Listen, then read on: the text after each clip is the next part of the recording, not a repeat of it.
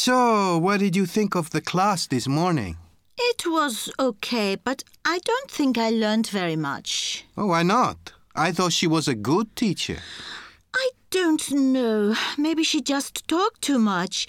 I got bored of listening to her.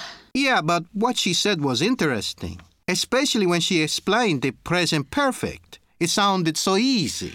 I'm not interested in the present perfect. I need to learn more words.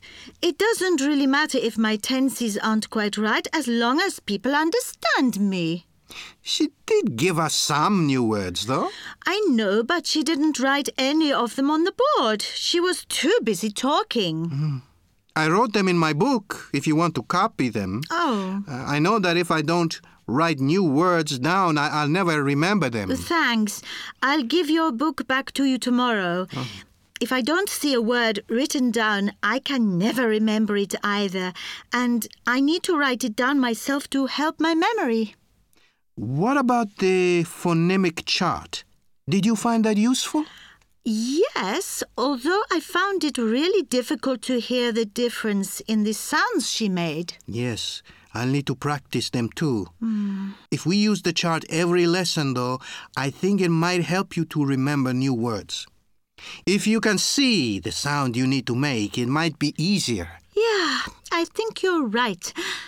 Oh, maybe you should be my teacher. I don't think I could do that. in any case, I prefer working on my own.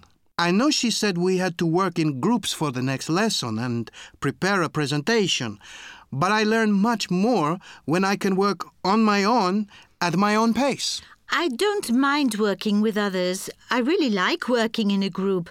That way I can listen to what other people want to say. You mean they do the work for you? No? Well, mm, maybe a little.